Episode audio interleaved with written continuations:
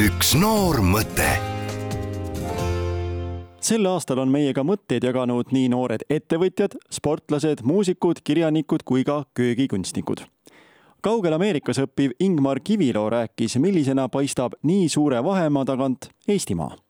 no mina näen Eestit muidugi ikka väga-väga erilise ja, ja riigina selles mõttes, et riik, kus ma sündisin, riik, kus ma üles kasvasin, et minu jaoks ikkagi sünni ja kodumaa. Kui teised inimesed siin, nii palju kui ma oma sõpradelt olen küsinud, et kui palju nad Eestist teavad, siis inimesed ikkagi on kuulnud ja, ja mõned teavad ka rohkem kui teised, et, et kui küsida, et kas nad kedagi teavad, siis mul mõned õppejõud näiteks teavad Arvo Pärti väga, hindavad kõrgelt teda ja, ja paar inimest teavad näiteks Tommy Cashi Eestis. Aga üldiselt paljud inimesed ei tea isegi, kus see asub ja siis ma pean neile seletama, et, et kus see niimoodi on ja mis, mis seal Eestis tehakse ja nad imestavad, et, et mis meil see riigikeel on, et oo, et kas eesti keel tõesti on, on eraldi veel keel. Noor multitalent Patrik Sebastian Unt, kes võib juhtida nii lennukit kui laulukoori, kinnitas, et elus on kõik võimalikku ja ainult tahtmist jagub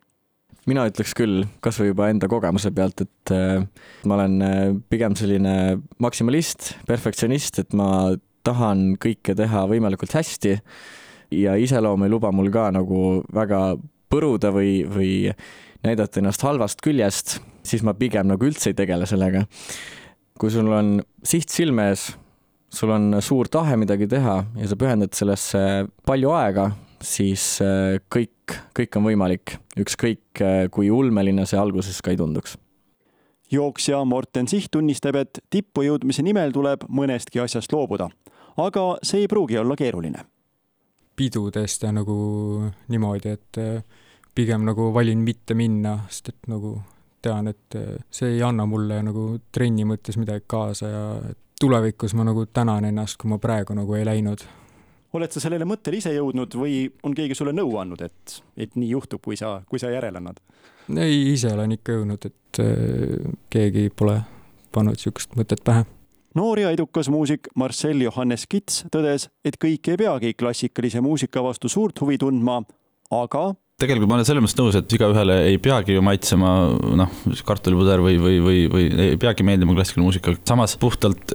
enesearengu ja, ja hariduse, harituse mõttes on tegelikult oluline küll, et tegelikult, et see klassikaline muusika ei ole lihtsalt mingisugune igav muusika, see on ju tegelikult on maailma ajaloos on niivõrd olulisel kohal. see on mõjutanud mitte ainult kõike noh, praegust klassikalist muusikat, aga ka popmuusika, rokkmuusikat, kõik on saanud inspiratsiooni sellest. puhtalt juba silmaringi mõttes, et kui sa ainult tunned noh, näiteks levimuusikat, siis noh, ma arvan, et keegi ei vaidle vastu, et sul on silmaring kitsam võrreldes sellega, kui sa tunned siis nii levimuusikat kui klassikalist muusikat tulevane tippkondiiter Ferkle Kalaus täitis sel aastal suure unistuse ja ta saabki minna Prantsusmaale kondiitrikunsti õppima. kas omal käel pole siis võimalik väga osavaks saada? ja ma arvan, et just eriti see Prantsuse kondiitrikunst see on niivõrd niisugune keerukas ja väga nagu täppisteadus nii-öelda. Seda saaks ilmselt äh, kodus ka, aga samas ma usun, et äh, läbi niisuguse praktika ja just äh, läbi praktika professionaali käe all, see nagu annab mulle nii palju juurde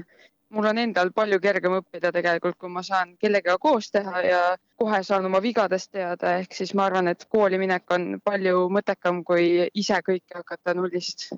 või nii-öelda nullist alustama. Tiit Pauluse nimelise parima noore kitarrimängija preemia pälvinud Markus Tuul tõdeb, et võimaluste rohkus ei pruugi alati hea olla.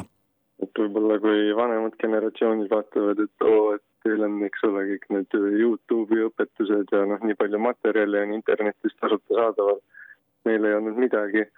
siis mina jälle vaatan, et oo kui tore, et äh, teil oli ainult üks õpik, et sa ei pea nagu ise väga palju vaeva nägema, et sa saad selle õpiku ja noh, ongi kõik.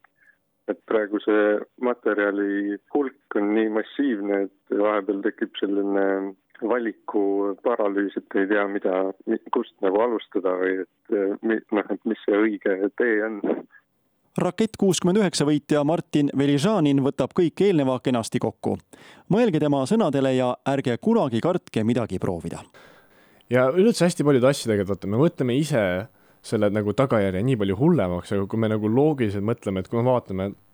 et keegi teine proovib midagi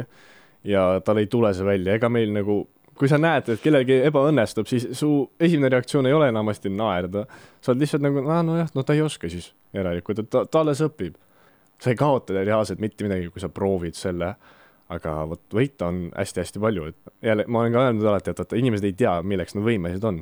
Et äkki sa lähed sinna ja avastad, et sul nagu väga, väga nagu loomulik anne selleks. me tihti ei mõtle, vaid me laseme hirmul eh, enda eest ära otsustada, kui sa mõtled reaalselt selle peale siis seal ei ole nagu negatiivseid külgi eriti